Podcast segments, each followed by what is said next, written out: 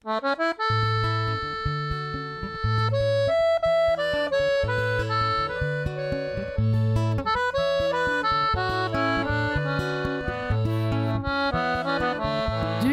nå på en podkast fra Trondheim kommune og Dialogsenteret. Hei, Da vi er tilbake med en ny episode med podkasten til Dialogsenteret i Trondheim kommune. Og i dag skal vi snakke om utfordring, utfordringer for familier som har vært på flukt og har denne opplevelsen med seg. Kan med nye roller og eh, ny identitet kan ha en del utfordringer med seg og gjøre noe med familiedynamikk og relasjoner. Og uh, for å snakke med dette har vi uh, med oss psykolog Anette Hassel og Jan Persi, som jobber ved barnevernet som brobygger. Og i studio vi har også jeg og Serafine fra Dialogsenteret. Og Jan, Ja, vær så god. Takk. Um, bare kort. eh, En brobygger er en nyopprettet stilling i Trondheim kommune. Det er en i hver bydel. Uh, og vår mandat er å prøve å snakke med de flere kulturelle eller flere språklige befolkning. Prøve å sånn, dempe frykten for barnevern og spre kunnskap om barnevern, så at folk tør å ta kontakt med oss uh, og andre tjenester når de trenger hjelp. Og også heve den multikulturelle kompetanse internt i barnevern for å sikre at den hjelpen vi gir, er mer treffsikker. Ja, takk. Så Anette. Ja, hei, jeg heter Anette Hassel. Jeg jobber som eh, psykologspesialist ved Flyktninghelseteamet i Trondheim kommune. Vi gir helsetjenester til alle nybosatte flyktninger i kommunen vår og alle asylsøkere som oppholder seg i kommunen vår. Jeg kan også si litt om eh, hva en eh, psykolog gjør for noen ting, hva vi er for noe. Eh, En psykolog er en universitetsutdanning for å bli psykolog i Norge en seksårig utdanning. Der lærer vi mye også om normal psykologi, altså hvordan folk utvikler seg, hvordan man utvikler seg i barndommen, hvordan man utvikler personligheten sin, og hvordan vi har det med hverandre, hvordan vi påvirker hverandre, og hvordan verden påvirker oss. Og så jobber vi og lærer også mye om eh, det som vi kaller psykisk uhelse, altså når man begynner å få det vanskelig. Eh, Og psykisk uhelse, det handler ofte om eh, hvordan man har det med følelsene sine og tankene sine, og hvordan man har det med hverandre og når det blir vanskelig. Og når det blir skikkelig vanskelig, så er det gjerne sånn at man ikke klarer å fungere sånn som man ønsker da, i skole eller arbeid eller med familien sin. Vi som er psykologer, vi jobber med alt av mennesker. Vi jobber med alt fra spedbarn til, til gamle folk. Eh, Så vi jobber både med barn og voksne og eldre. Vi jobber ofte også med hele familier og med grupper. Når vi har samtaler og prøver å hjelpe folk med sine psykiske plager, så møter vi ofte folk én til én og har det som vi kaller terapeutiske samtaler, men kan også ofte møte folk i grupper. Så det som vi ofte prøver å snakke om da, er å finne ut av hva, hva er tankene dine, og hva er følelsene dine, og hvorfor er de her har skapa problemer for deg, og på hvilken måte. Og det vi ofte ser, er jo at folk eh, syns at tankene sine blir altfor skumle eller uhåndterbare, at man ikke forstår hva som skjer. Og også at man opplever at eh, man har så sterke følelser og så vonde følelser som er vanskelig å takle. Så da prøver vi å gjøre det enklere for folk å, å forstå seg sjøl og, og takle verden og seg sjøl. Hvordan, når du skal snakke med flyktninger som kanskje kommer fra en kultur hvor psykisk helse er ikke så um, er- Det er kanskje mindre diskusjon om det, eller kanskje mindre kunnskap om det. Uh, hvordan tilnærmer dere det? Ja, um, vi har jo etter hvert i Norge og i Vesten fått, iallfall i deler av samfunnet, en veldig åpenhet for, for psykisk helse, og har utvikla et sånt spesielt språk for hvordan vi snakker om følelsene våre og, og tankene våre. Eh, Så, men det er ikke likt i alle kulturer og alle steder i verden. Det er ulikt på hvordan man setter ord på å forklare hvordan man har det. Um, så det prøver jeg å ta, ta hensyn til. Eh, og tenke over og snakke med folk om når vi snakker med folk fra, fra andre kulturer andre steder i verden. Um, og så vet vi også at det kan være en del som er på en måte litt eh, redd for psykologen, eller hva det vil si å, å, å snakke om sin psykiske helse. Mm. Noen tenker at eh, ja, hvis jeg skal snakke om psykisk helse, eller hvis noen skal sette en sånn type merkelapp på meg, så betyr det at jeg er gal, eller at det er noe feil med meg, eller at jeg har gjort noe galt som gjør at jeg fortjener det. Um, så det tenker jeg er en viktig eh, tema å ta opp i starten, og hvordan jeg forstår det å ha psykiske plager. Det er vanlig og ikke unormalt, og det ikke betyr at det er noe feil med det. Vi barnevern, eh, eller vi brobygger i barnevern spesielt, er opptatt av et barnevern skal kunne forstå eh, hvordan følelser ut, eh, uttrykkes i forskjellig kultur. Så det er ikke en mistolkning eh, når de ser eh, samspill mellom foreldre og barn fra andre kultur. Så det er viktig. Hvordan ser dere ulikheter i det, da? Fra ulike familier eller ulike kulturer? Altså, kanskje en, av de mest eh, omtalte er det sånn eh, blikkontakt. Og I noen kulturer så er det ikke vanlig å se eh, voksen i øynene. Eh, og så vi i Norge er veldig opptatt av blikkontakt. Så det har vært eh, en tema eh, tidligere, i hvert fall. tenker jeg er veldig viktig. Også hvordan man tenker hvor mye frihet små barn skal ha. Det kan være vel, veldig forskjellig fra samfunn til samfunn og fra kultur til kultur. Absolutt. Eh, De trekantmodellene som kanskje du skal komme inn på senere. Sånn. Det er Tenkte, sånn, bare- ja. tenkte ikke å gjøre det. Nei. Vil du si litt om hva det er? Ja, det bare um, Det er en sånn um, eh, måte å visualisere eh, barneoppdragelse i en individualist kultur og en kollektivist kultur. Eh, kanskje i Norge er det litt strammere når man er små, og det blir for, barn får mer og mer frihet eldre de blir, og i en kanskje æresdominert kultur eller kollektivistkultur, så barn har ganske store rammer når de er små, og blir mer snevert når de blir eldre. Ikke sant. Og, og alt det her, begge deler fungerer, tenker jeg. Man blir dugelige og gode mennesker uavhengig av om man tenker mye frihet eller lite frihet i starten. Eh, og det er viktig, tenker jeg, både for oss psykologer og, og dem som jobber i barnevernet, å forstå at selv om man gjør ting ulikt, så betyr ikke det at man gjør ting feil. Absolutt. absolutt. Eh, godt nok er en begrep som vi er veldig opptatt av. Ja. Eh, Anette, eh, temaet om psykisk er et tema som er vanskelig kanskje til de fleste å diskutere om. Fordi eh, jeg synes de fleste ø, flyktninger som kom, noen av dem hører ordet psykiske første gang. Jeg vet ikke hva det betyr. Og særlig de som f.eks. er analfabet, de som er, ja, har utdanning.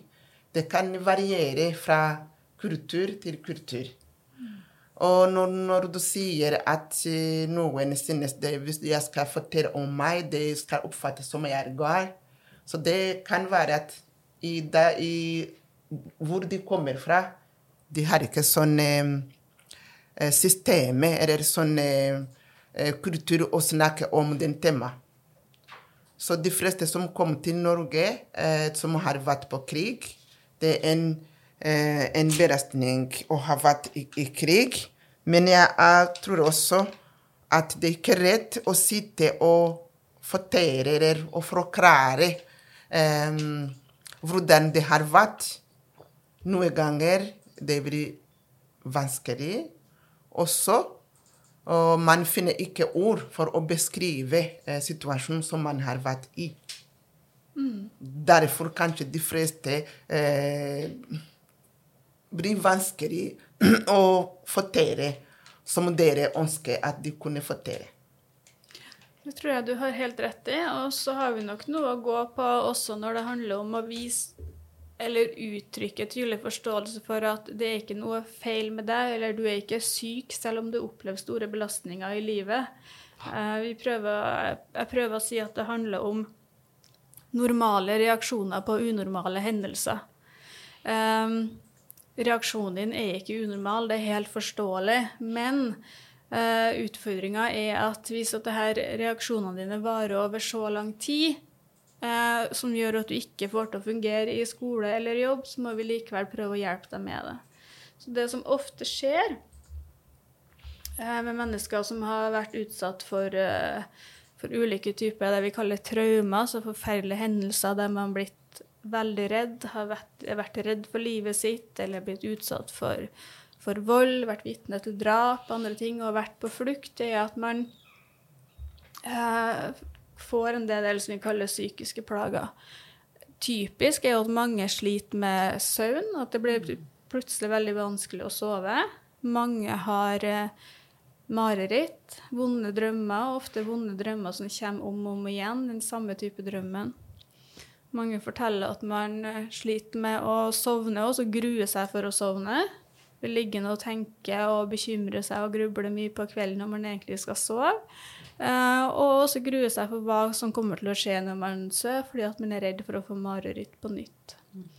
Så det er ofte en fin inngang, syns jeg, å si ikke 'hvordan har du det med den psykiske helsa di', men 'hvordan er søvnen din'? For det er det det handler om. Ikke sant? Mange opplever at man har sterke minner om forferdelige ting som har skjedd seg, som kommer tilbake og tilbake på en veldig sterk måte, som det spilles av som en film, som en skrekkfilm, er noen som beskriver, og de her minnene kommer veldig sterkt tilbake på de mest ubeleilige tidspunkter. Mens du er på gata eller sitter på bussen, eller mens du skal sitte i klasserommet, så kommer de fæle minnene og, og plager deg og forstyrrer deg i, i dagliglivet. Um, mange forteller at man føler seg ganske fjern fra verden plutselig. At man er liksom på utsida av verden, ikke hører helt til. Eh, At man ikke kjenner på så sterke følelser som man er vant til. Eh, Litt flat i følelseslivet, rett og slett. Det er noen som beskriver. Eh, Og at man også føler seg ganske distansert eller fjern fra dem man egentlig er veldig glad i. At man ikke klarer helt å koble seg på relasjoner. Eh, mange blir mer eh, skvetten, redd, engstelig. Også mye engstelig over ting som man ikke har eh, vært før. Og syns at det er veldig både ubehagelig og skummelt. Man kjenner ikke helt igjen seg sjøl. Men jeg sier at jeg er jo ikke en sånn type person som er skvetten og, og redd for lyder, men nå er jeg plutselig det. Og så er det mange som teller om mye eh, plager i kroppen som ikke har noe typisk eh, ikke noe typisk symptombilde eller ikke er knytta til, noe- til noe sykdom. Altså at man har mye vondt i hodet, mye muskelverk. eh, eh, at man er veldig stiv og støl i kroppen. Eh, og mange sier at man ikke har noe god matlyst eller har endra matlyst. Må på do ofte, er tørr i munnen. Eh, og, og kjenner at det er vanskelig å, konsentrere seg om å lære. Både for at man har vondt i kroppen, og for at det er så mye tanker og minner som kommer hele tida. Så det er for det jeg prøver å si, at det, det handler om det. det. Jeg prøver å ikke bruke ordet psykisk helse, uansett hvem jeg snakker med, om det, om det er nordmenn eller folk som kommer fra, fra andre steder i verden. For det, det er så fjernt for folk å skulle bruke et sånt fremmedord. Når vi diskuterer med familier som har hatt traumatiske opplevelser uh, i barnevern, så er det fokus på normalisering. Sant? For eh, akkurat det du sier, ikke snakk om uh, lidelse, men snakk om at det er en naturlig reaksjon til unaturlig, eller sånne ekstremhendelser. Og så RVTS uh, Vest har noen fine filmer. En sånn 'Skilpadde og leoparden' for barnet om toleransevinduet. Og så det er et tredelt hjerne. Uh, veldig fin film som vi bruker, for det gjør reaksjonen og, på de hendelser litt mer forståelig for familie, og barn og, og voksne. Fordi det som, som vi har snakket nå, og det øh, Selve den psykiske helse, eller ordet psykisk, så det de som er fra andre land, det er skikkelig skam også. Det, eh, og når de kom til Norge og på vei til flukt og med trauma og med mange andre opplevelser, og de har opplevd hjemlandet og på vei til eh, f.eks. Norge. eh, Og de mm, Når de kom her, særlig når de som har barn og familie, de er også ganske redde. Så hvis jeg sier at jeg er sliten med det og det, og eller hvis jeg sier jeg har psykisk eh, utfordring, så da kanskje de er veldig redde å eh, og miste eh, omsorgen for barn. Og barnevernet kommer og tar våre barn. og de, eh, de vil ikke ta opp det temaet. Og de bare prøver å holde i den så mye de klarer det, og ikke si det andre. Jeg tror sikkert Anette har en del å si, men bare skyt inn uh, fort. Uh, barnevern uh, vurderer ikke omsorgsovertakelse bare fordi noen har en psykisk lidelse. Ja. Det må være noen symptomer som gjør at Riktig. barnet ikke får de de Mm. trenger. Men som det som han sa, det er vi som er fra andre land og andre kulturer og sånn, vi er ikke vant med selve den med OK, det er greit hvis du har en del psykiske utfordringer og sånn. Ikke sant? Og det er derfor det er folk som bare Ja.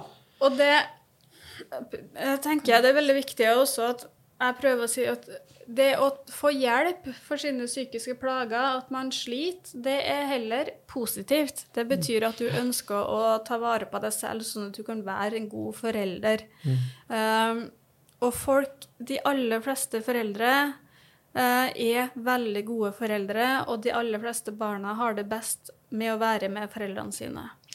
Eh, og det å ha en, både en fysisk lidelse og ha, om å være innlagt på sykehuset, og det å ha en syke, psykisk lidelse, det betyr ikke at man ikke er en god nok forelder. Men jeg kan forstå at, at det er en bekymring for mange. Det har jeg også hørt mange si på kontoret mitt, at man er redd for hva det her vil si for um, for hva jeg tenker om uh, deres evne til å oppdra ungene sine. Da. Har du også hørt det? Ja, vi hører det Ja, veldig ofte. Ja, eh, både, jeg jobbet som eh, eh, bosettingskoordinator tidligere, så både i den jobb og i den nåværende jobb med barnevern, så hører vi det. Og det er litt grunn til vi går rundt og snakker med nyankomne flyktninger i de ICDP-gruppene for å forklare sånne type ting og prøve å dempe den frykten. Ja, det forstår jeg med eh, noen som har vært på frukt, som har opplevd krig, kan komme med traumer. Eh, men også, man kan også få de trommene når man har kommet til et nytt land. Eksempel de foreldre som kommer, eh, de møter utfordringer, forskjellige utfordringer. Den største utfordringen er den som er knyttet til språk. Og dere vet at barn er rarefotere enn voksen. Og den mor som kommer med barn, små barn, barna som kommer til å forklare til mamma hva det betyr, hva det betyr, mamma også kan oppleve at hun er Hun mister den, den identitet å være mor når hun ikke kan fortelle. Det er hun som egentlig skulle fortelle hvordan ting skjer, hvordan, hva som skal gjøres. Men det er barna som kommer til å fortelle til mamma. Så den også kan gjøre at mamma blir psykisk syk. Men ikke vil vise, men inn i seg sjøl. Hun føler seg sånn psykisk eller sånn syk. Eller ja. Det er mye som, som skjer i livet. Det har jeg også hørt eh, flere si, at man mister eh, Eller når man kommer til et, til et nytt land og kommer som flyktning, at man må snu opp ned på hvem man er som menneske, og miste mye av sin identitet og, si, og sin rolle. Eh, og som du nevner, Serafine, det her eksempelet med at plutselig så vet barnet mer enn mor, og har mer kunnskap om samfunnet enn mor, om, om å hjelpe mamma istedenfor at mamma hjelper barnet. Det hører jeg er veldig vanskelig for eh, mange foreldre å klare å håndtere, og at man mister sin foreldreautoritet.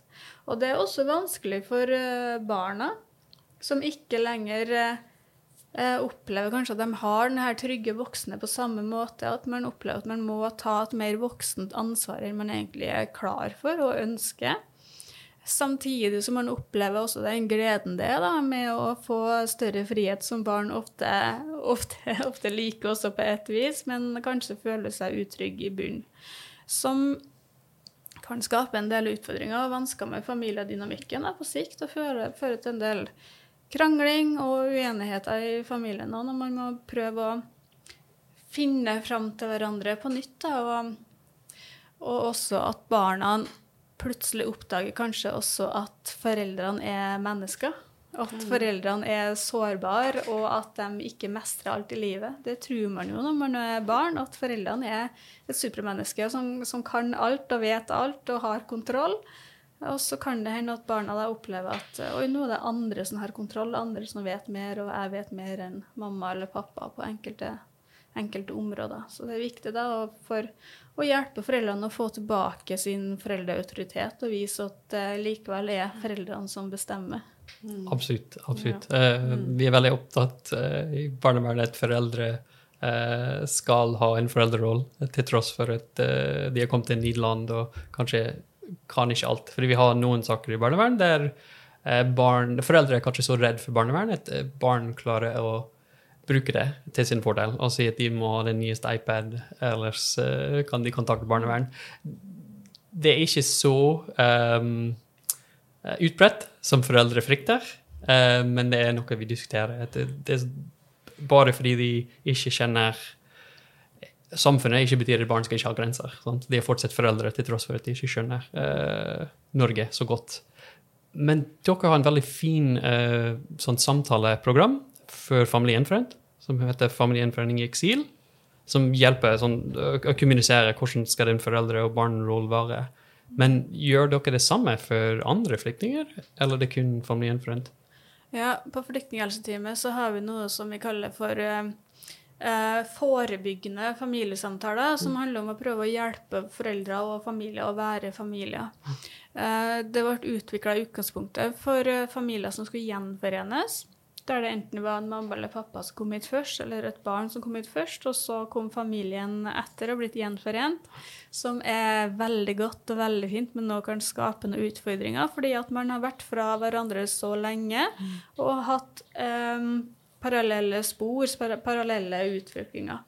Um, og har hatt ulike erfaringer, ikke hatt de samme erfaringene. Og da kan det òg være en forelder da, som møter, møter igjen barnet sitt, og sist man hadde tett omsorg for barnet, så var det en unge, og plutselig har det blitt en ungdom. Eh, og det å finne tilbake til hverandre da, er, det er fryktelig godt, tror jeg, og veldig, eh, veldig fint, og så kan det ha noen utfordringer etter hvert. Og så har vi også prøvd, og vi tilbyr også samme type samtaler, familiesamtaler, for, eh, for familier som kommer hit sammen også. Fordi at vi ser mye av de samme utfordringene, der det familiene kommer og plutselig har nye roller, nye typer identiteter, og vi finner sammen eh, som familie på en eh, litt ny måte. Da. Altså det, Den programmet er veldig fint fordi det er sånn fokus på samskapning av en felles historie, felles forståelse, mm. som personlig syns er veldig effektivt. Ja, fordi de som familie som Eller kom som familiegjenforening, ikke sant. Så de, eh, den atskillnaden mellom herboende og de som kom fra de landene som de er ifra, det er også eh, mange år de var bort fra hverandre, og så kom til Norge. Og han eller hun som er her, med helt annen type Og bli litt eh, lært om systemet og sånn. Og familie kom med på vei til Norge med masse, masse ting, eller allerede opplevd mange ting i hjemlandet, og så kom her, fordi slått sammen og ønsker å bo sammen, og det kom mye kulturkrasj, mye om eh, identitet som igjen, religion, bakgrunn, og så Det er masse ting. Så da starter en del eh, jeg skaper konflikt, og starte en del konflikt og sånn. Så, så særlig hvis det er alenemor, så igjen som er veldig redd fra Som skal jeg si hva slags opplevelse jeg har hatt, eller kanskje hun mor Hvordan hun hadde vært hvis hun vært alenemor i hjemlandet, hva hun har opplevd der. Som en alenemor, f.eks. i Afghanistan. Hva hun har opplevd som en dame der. Så de fleste ting som de har en del ting, men det er ikke så lett å forklare til andre. Jeg har sett personlig sånn eh, ofte Ikke ofte, jeg har ingen statistikk på det, men jeg har sett det skjer at eh, kanskje en far eller en mor har kommet til Norge, og så de har bodd her i fem år. Og så de har en, en annerledes idé om kjønnsroll. Så når den andre partner kommer med barnet, så kanskje de forventer noe annet enn den andre, og det skaper problemer. Ikke sant? Så andre ting, og det for kvinner, det er kanskje litt lettere noen ganger hvis du har en del ting å si som kulturelle, ikke sant? Særlig hvis du har noen dårlig sovn eller noen, s- ja, noe, øh, noen tegn som eh, på psykisk. Eller. Men mennene, det, det er ikke så lett å si, fordi det er en mann. Altså en kultur hvordan jeg skal si at jeg har så dårlig, jeg har det så vanskelig. Og da Det er ikke så lett heller. Jeg, jeg var 40 før jeg begynte å snakke om følelser. ikke sant? Det, det er ikke så vant. Ja. Fordi jeg husker så da jeg var ny i Norge, som jeg er opprinnelig fra Afghanistan, som, så kom til Norge, så det første ting som Når jeg, eh, var ute og så ser på politibiler som kjører rundt i byen, og så den eh, lyden som de har, eller blålys, eller ambulanse.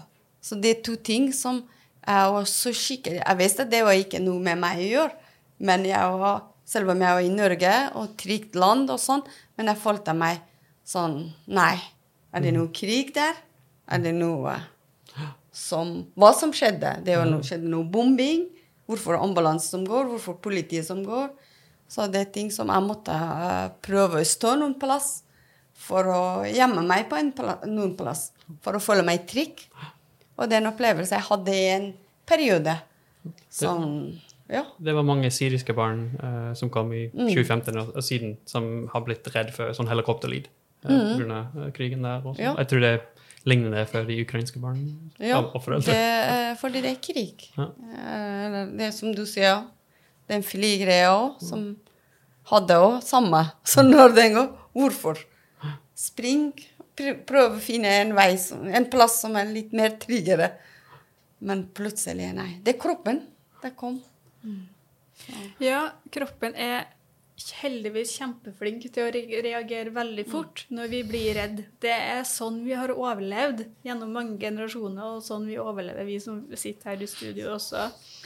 Og vi reagerer jo basert på erfaringene vi har hatt. Så hvis vi tidligere i livet har hatt erfaringer med at lyden av sirener eller lyden av fly betyr fare, så vil vi reagere helt instinktivt med, at, med følelsen av frykt som bare veller opp i kroppen, og det skjer kjemperaskt. Da slår hjertet plutselig mye fortere, man blir tørr i munnen, man snevrer inn oppmerksomheten, sånn at man er bare fokusert på det som potensielt kan gi fare, og kroppen er opptatt av å flykte eller kjempe og komme seg unna derifra. Og da hjelper det ikke hva tankene sier om at nei, men det her er egentlig ikke farlig, for jeg er i Norge, og jeg er trygg, og jeg har det bra. Fordi at følelsene de vil alltid overstyre tankene sånn helt i starten. Mm. Og da man, bruker man ganske lang tid innimellom på å skape seg nye og det vi kaller korrigerende erfaringer på at nei, men ambulanse er ikke farlig. Ambulanse var ikke farlig i dag mm. heller. Flylyden var ikke farlig i dag heller. Så etter hvert så vil man få seg nye erfaringer med at kanskje ambulanse betyr noe trygt. Flylyd betyr noe trygt, det betyr ingenting. Og så vil det her kroppslige reaksjonene og følelsene bli mindre og mindre etter hvert. Mm. Forhåpentligvis. Hvis de ikke blir det, hvis det her aldri går over, eller hvis det varer så lenge og går utover at man ikke får til å fungere på skolen, ikke fungerer i jobb, ikke får til å være en god mamma eller pappa, da kan det være en god idé å snakke med en psykolog eller snakke med en lege om det som er vanskelig. Da. Men du Anette, eh, du er psykolog. Jeg har et spørsmål, en spørsmål som jeg vil stille. Eh, hva, eh, hva kan du fortelle, eller kan du si, hvordan du har opplevd når du, du sitter i samtale med flyktninger som sliter? Ser du at de stoler på det som du, den samtalen som dere har, eller når du, har, du sitter med dem første gang, og når de kommer tilbake. Hva er din opplevelse med å snakke med dem på mm. den der tror jeg flyktninger er som alle andre folk her i verden. At det er ulik hvor lang tid det mm. tar før man får en god relasjon og før man tør å stole på folk.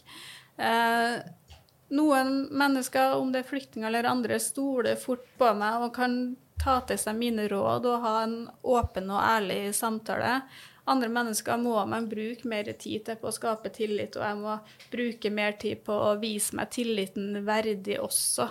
Jeg kan godt forstå at det skal være eh, virke fremmed og utfordrende for noen at en fremmed, eh, en fremmed hvit kvinne skal gi gode råd og hvis, eh, virke som jeg forstår hvordan en person har hatt gjennom livet, og hva som foregår, og hva som er god hjelp.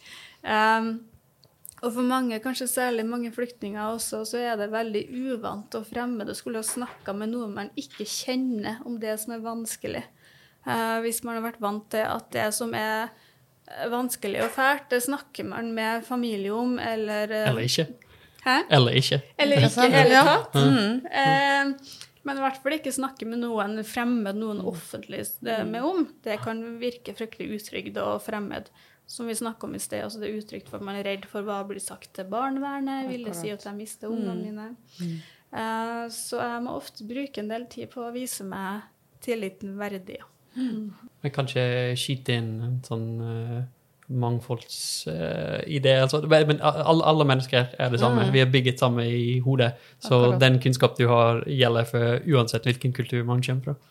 Det er det som er så fint med psykologien, at vi er grunnleggende sett så er vi likeens eh, alle sammen. Og vi bare setter eh, ulike typer ord og har ulike typer uttrykk for det.